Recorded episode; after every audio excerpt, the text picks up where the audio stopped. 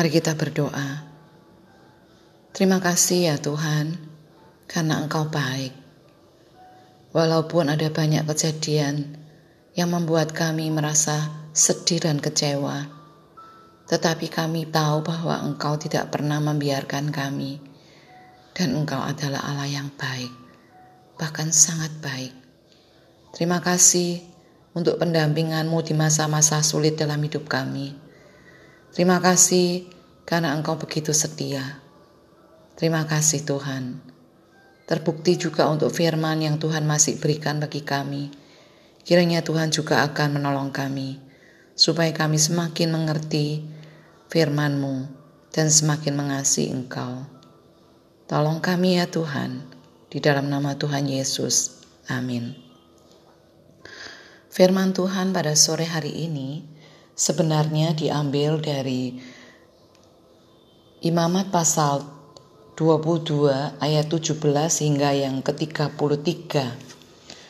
Tetapi saya hanya ingin mengajak membaca dari ayat 31 sampai 33 karena saya anggap saudara-saudara sekalian sudah membacanya sebagai bacaan harian kita.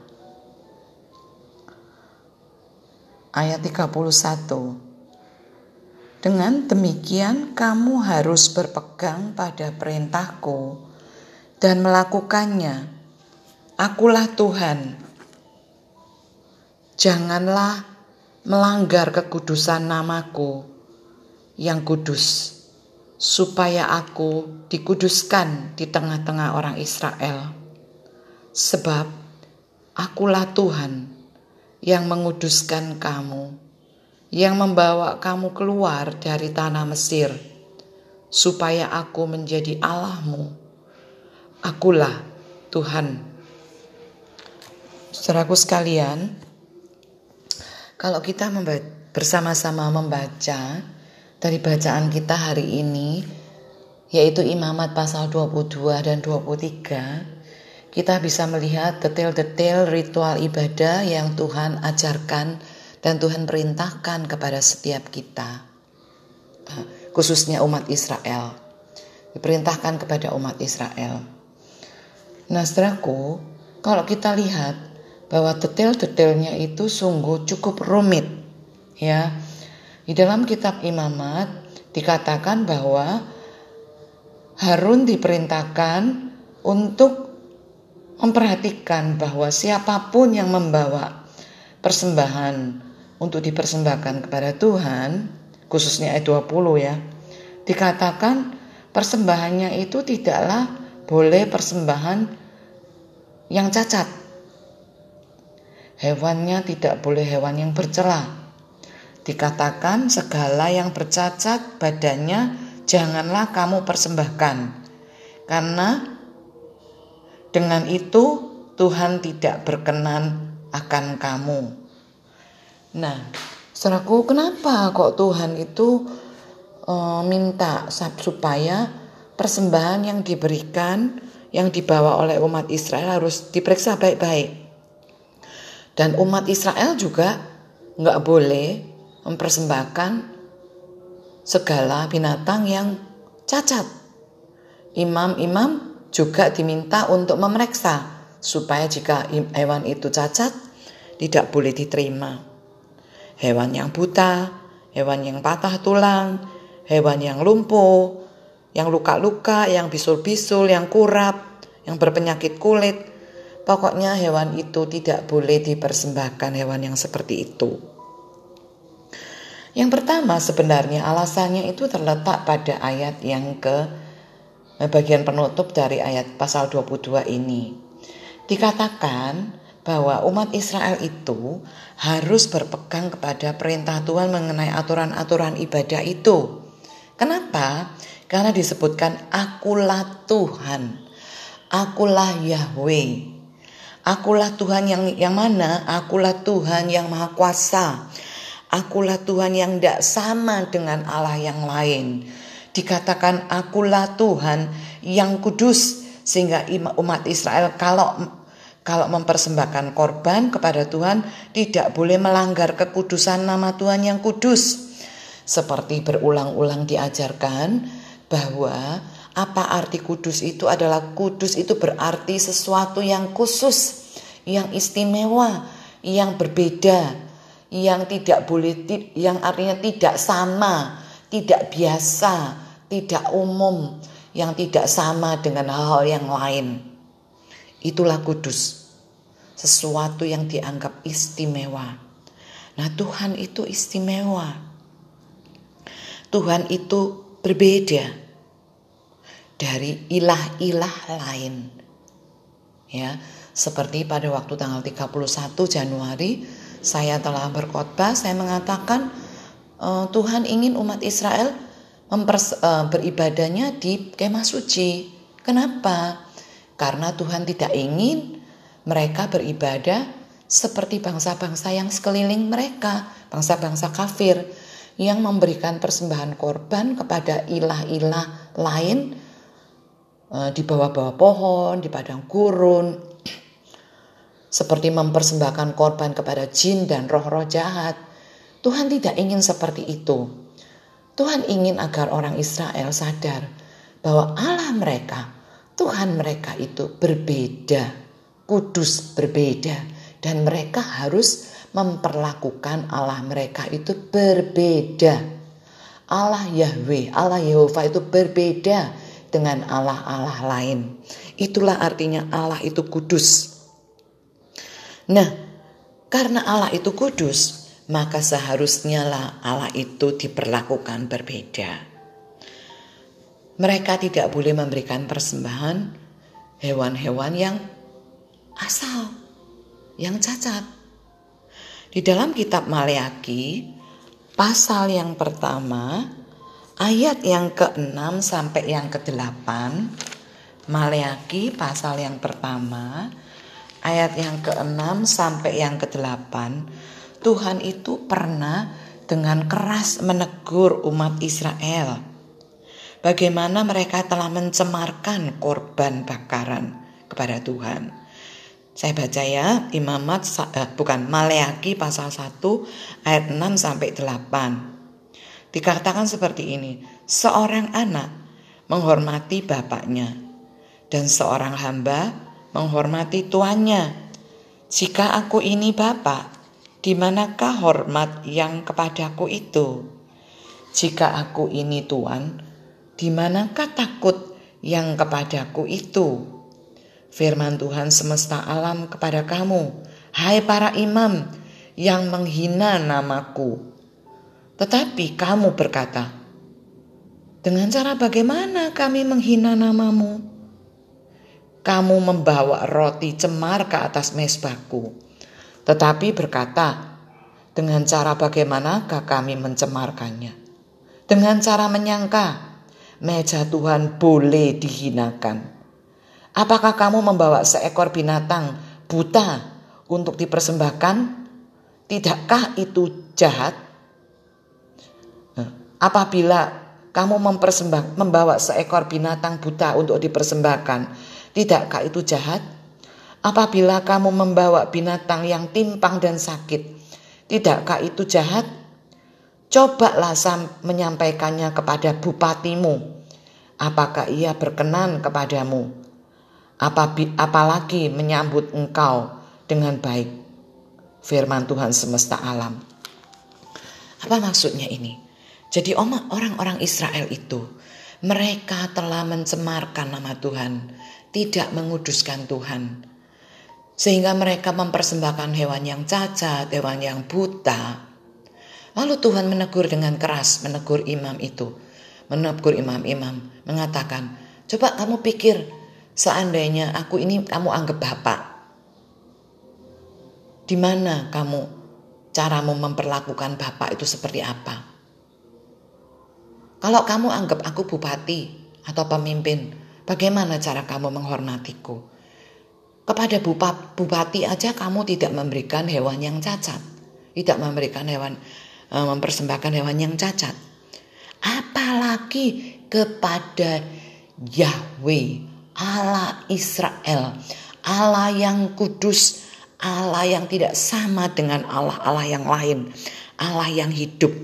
Dia layak menerima yang terbaik.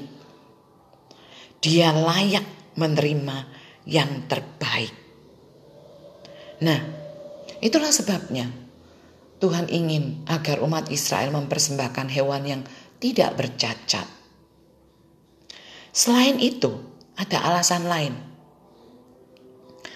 Hewan-hewan itu dan seluruh persembahan korban di dalam Perjanjian Lama merupakan gambaran dari korban yang utama yang Allah rencanakan untuk menyelamatkan umat manusia, yaitu Anak Domba Allah, Yesus Kristus, yang tidak bercacat, tidak bernoda, yang sempurna, tidak berdosa.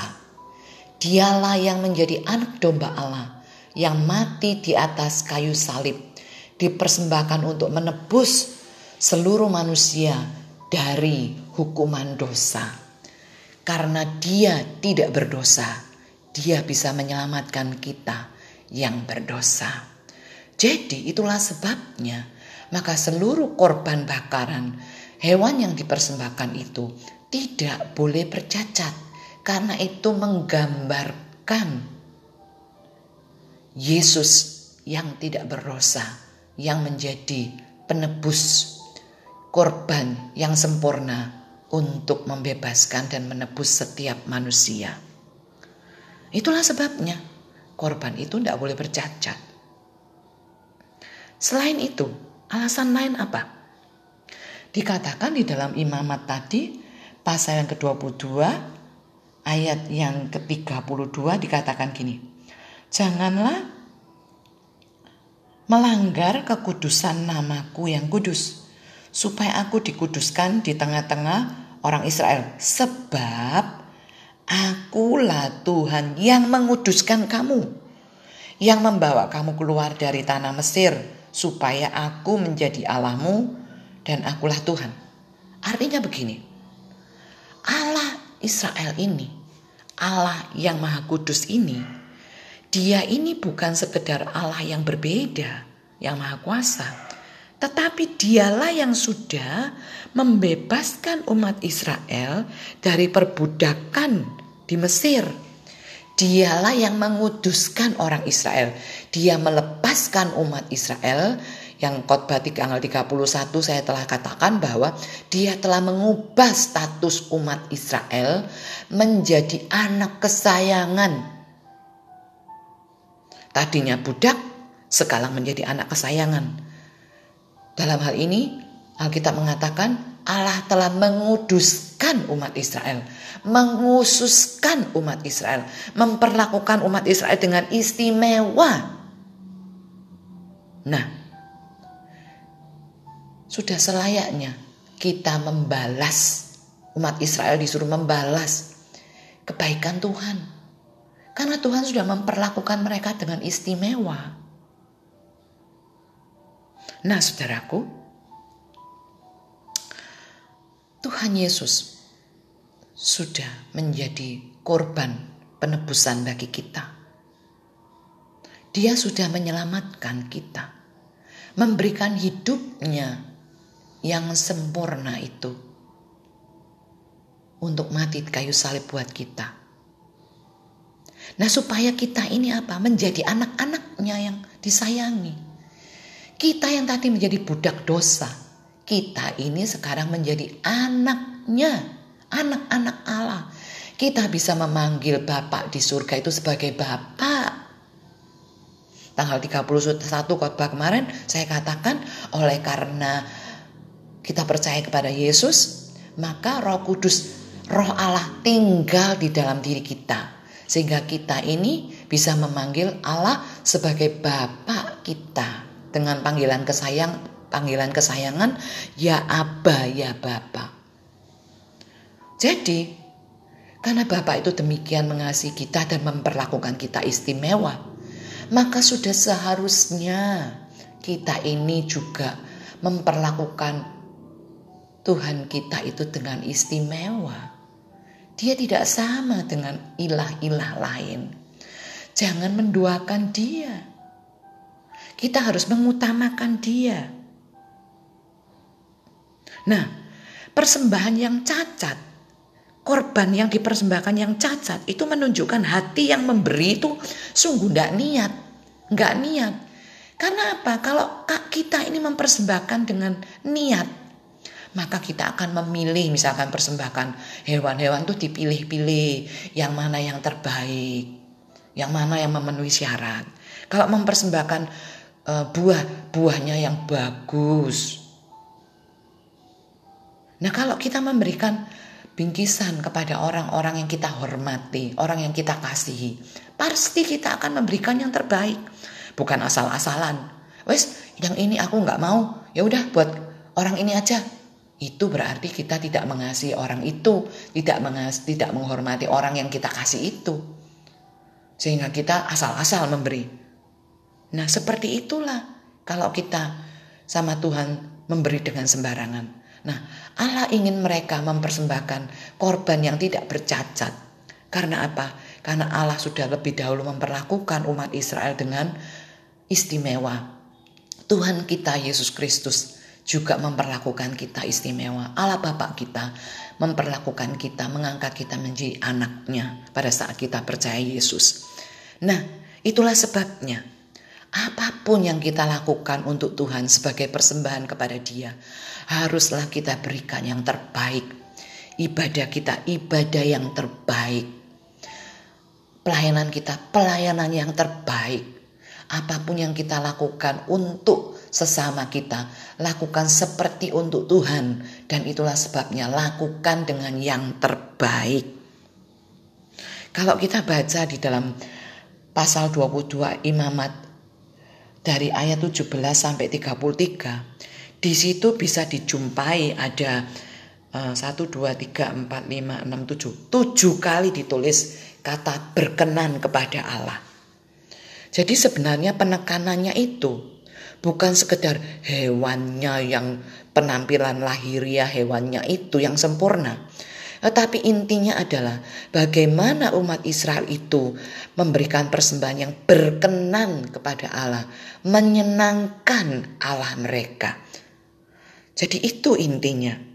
Saudaraku sekalian di dalam perjanjian baru pernah disebutkan di dalam Injil Lukas pasal 21 ayat 1 sampai 4. Injil Lukas pasal 21 ayat 1 sampai 4. Dikisahkan ada kejadian di mana uh, di rumah Tuhan ada orang-orang kaya memberikan persembahan dengan banyak dimasukkan ke peti persembahan. Nah, Tuhan Yesus melihat. Kemudian datanglah seorang janda yang hanya mempersembahkan dua peser koin dimasukkan ke dalam peti itu juga. Lalu Tuhan Yesus mengatakan demikian kepada murid-muridnya. Lihat, janda itu memberikan yang terbaik, lebih banyak, lebih bagus, lebih berkenan kepada Tuhan. Bagaimana mungkin dia cuma memberikan dua, dua koin, tetapi justru Tuhan menganggap persembahan janda ini yang paling berkenan Padahal orang-orang kaya memberi banyak. Jadi intinya bukan banyak atau sedikit, besar atau kecil, atau penampilan lahiriahnya. Tidak. Tetapi intinya adalah bahwa persembahan itu adalah berkenan kepada Tuhan. Nah, supaya berkenan kepada Tuhan, maka apa pun yang kita lakukan, marilah kita lakukan, persembahkan itu semua dari hati kita yang mengasihi Tuhan dan yang menghormati Tuhan. Kalau kita melayani, layanilah dengan hati yang mengasihi Tuhan dan menghormati Tuhan. Kalau kita memberikan persembahan, berikanlah yang terbaik dengan hati yang mengasihi Tuhan dan menghormati Tuhan. Kalau kita memberi untuk sesama kita, lakukanlah dengan hati yang menghormati Tuhan dan mengasihi Tuhan. Kalau kita melakukan untuk keluarga kita, lakukanlah itu dengan hati yang karena mengasihi Tuhan dan menghormati Tuhan. Itu yang Tuhan maksudkan. Supaya kita ini melakukan yang berkenan kepada Tuhan. Karena segala sesuatu yang kita lakukan itu kita mau menyenangkan Tuhan. Saudaraku sekalian, hari-hari ini kita sering bahkan kebanyakan kita ibadah di rumah. Saudaraku, bagaimana cara kita beribadah? ibadah di rumah dan ibadah yang tidak kelihatan orang itu sering kali bisa menjadi uh, alasan bagi kita untuk wes nggak ada orang aku bisa lebih santai saudaraku apa pun yang kita lakukan orang mungkin tidak melihat tetapi itu merupakan persembahan kita kepada Tuhan. Yang terbaik atau tidak? Bagaimana sikap hati kita pada waktu kita mendengarkan firman di rumah? Bagaimana sikap kita pada saat kita ikut mengikuti puji-pujian, memuji Tuhan di rumah saat ibadah di rumah? Bagaimana sikap kita dan sikap hati kita pada saat kita memberikan persembahan? Saudara, tatkala kita mengikuti di YouTube, kadang-kadang mungkin bisa masuk WhatsApp dari teman kita. Kadang-kadang bisa ada uh, pemberitahuan, ada berita yang baru di Instagram. Lalu apa yang kita lakukan? Kita buka, dilihatkah, sambil dijawab WA-nya,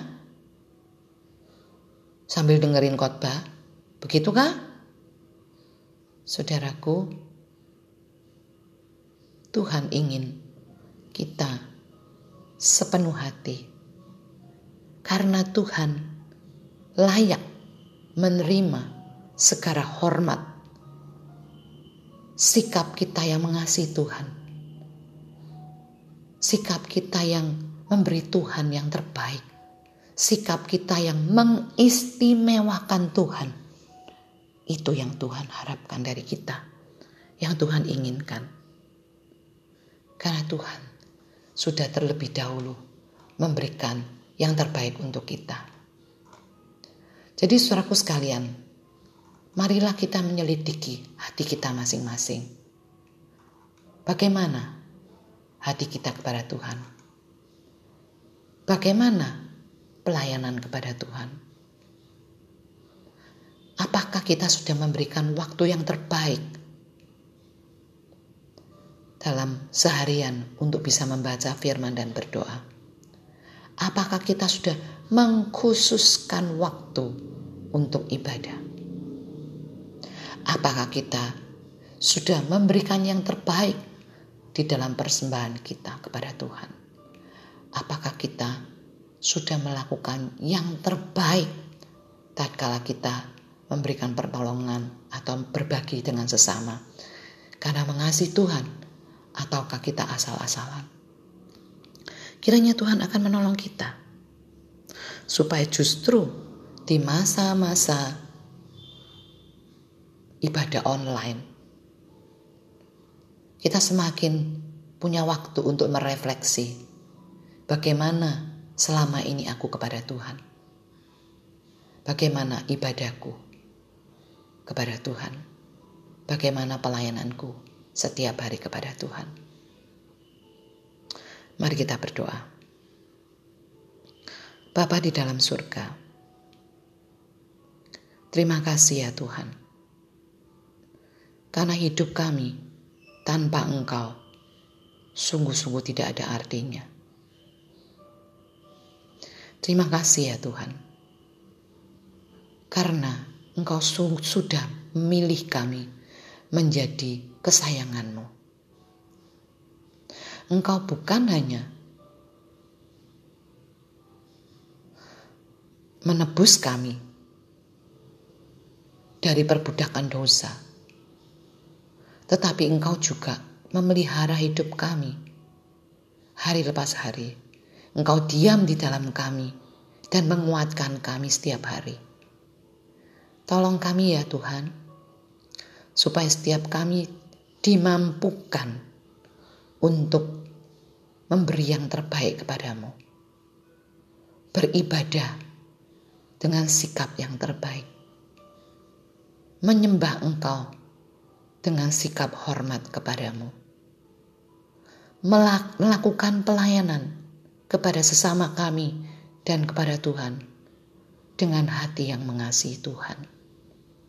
Melakukan pekerjaan kami sehari-hari seperti untuk Tuhan, sehingga kami melakukan dengan yang terbaik. Tuhan, kami tidak tahu hari-hari kami bagaimana di depan. Kami mohon kepadamu Tuhan, belas kasihanmu engkau berikan kepada setiap kami hambamu berdoa untuk anak-anakmu yang ditimpa musibah banjir. Tuhan berikan kesehatan. Tuhan tolong tatkala tubuh lelah membersihkan rumah. Tuhan berikan perlindungan. Berikan tubuh yang sehat. Berikan damai sejahtera Tuhan cukupkan apa yang kami butuhkan. Lindungi ya Tuhan dari segala macam sakit penyakit. Jadikan kami tetap berkat bagi sesama kami tatkala dalam situasi sulit sekalipun. Terima kasih ya Tuhan. Kami juga ingat negara dan bangsa kami di masa pandemi ini. Tuhan, kiranya Tuhan tolong supaya negara kami, pemerintah kami diberi hikmat bagaimana harus mengatur semuanya. Berikan kesadaran bagi seluruh rakyat Indonesia dan juga setiap kami masing-masing supaya kami mendukung kebijakan yang diberikan oleh pemerintah sehingga kami boleh membantu memutus mata rantai penyebaran virus corona ini. Tuhan tolong juga pemerintah dalam memberikan vaksin untuk penduduk Indonesia. Tuhan tolong supaya vaksin bisa segera diproduksi dengan jumlah yang banyak dan segera bisa disuntikkan kepada masyarakat di Indonesia sehingga semua bisa teratasi. Lindungilah ya Tuhan negara ini, perekonomian negara ini, perekonomian eh, keadaan ekonomi yang dialami oleh anak-anakmu ya Tuhan. Tuhan tolong Walaupun kelihatannya sulit, tetapi Tuhan kami percaya bagi Tuhan tidak ada yang mustahil. Karena firmanmu selalu menunjukkan bahwa engkau sanggup melakukan lebih banyak daripada yang kami mohonkan. Lebih daripada yang kami pikirkan. Tuhan, engkau sanggup mengubah lima roti, dua ikan untuk makan lima ribu orang dan bahkan lebih dan bahkan sisa-sisa. Tuhan tolong, Engkau berkati rumah tangga kami masing-masing. Apabila ada di antara kami yang sedang sakit, Tuhan tolong. Tuhan kuatkan. Tunjukkan apa yang harus kami lakukan. Tuhan jama. Terima kasih ya Tuhan. Terima kasih ya Tuhan. Terima kasih. Kami menyerahkan juga gerejamu. Tuhan berikan hikmat supaya gerejamu, para hamba Tuhan, dan juga para penatua boleh tahu apa yang harus kami lakukan di masa pandemi ini. Sekali lagi ya Tuhan, kami ingin bersyukur kepadamu. Jadikan gerejamu ini berkat bagi masyarakat sekitar. Terima kasih ya Tuhan. Kami juga berdoa Tuhan bagi beberapa karyawan gereja kami yang wilayahnya mengalami longsor. Tuhan, Engkau tolong mereka. Engkau tolong. Engkau bukakan jalan untuk mereka. Kota Semarang ini Tuhan, juga ada beberapa tempat mengalami longsor. Tuhan tolong berikan hikmat bagi mereka yang memberi yang berwenang Tuhan tolong supaya mereka boleh sanggup melakukannya dan memberikan pertolongan kepada orang-orang yang membutuhkan. Beberapa hari ke depan mungkin masih hujan. Tuhan tolong kau yang akan mengendalikan semuanya. Terima kasih ya Tuhan. Terima kasih. Hambamu berdoa di dalam nama Tuhan Yesus. Amin.